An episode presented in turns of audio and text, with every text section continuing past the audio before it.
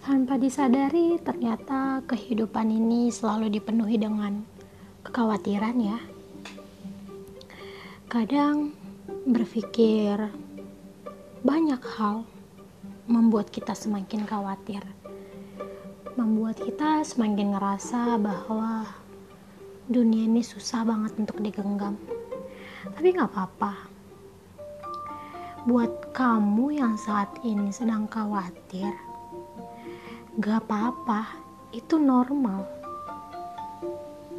Itu adalah gambaran bahwa kamu adalah manusia yang masih memiliki perasaan dan juga pikiran.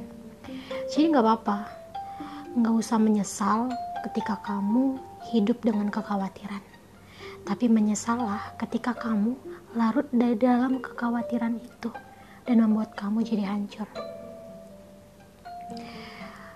Jadi gini, jadi gini. Berhenti untuk membuat dirimu jatuh di dalam kekhawatiran.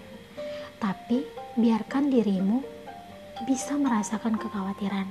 Karena kekhawatiran itu sendiri yang akan membawamu sadar bahwa kamu itu bukan siapa-siapa dan kamu itu nggak akan bisa membentuk masa depanmu sendiri ataupun kamu nggak bisa menghancurkan kekhawatiran itu sendiri.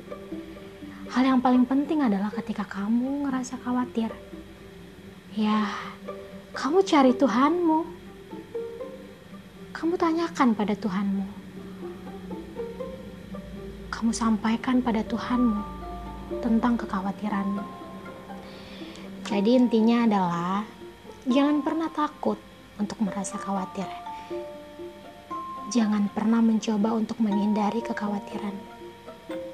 Karena kekhawatiran akan menyadarkanmu bahwa kamu tidak akan mampu tanpa Tuhanmu.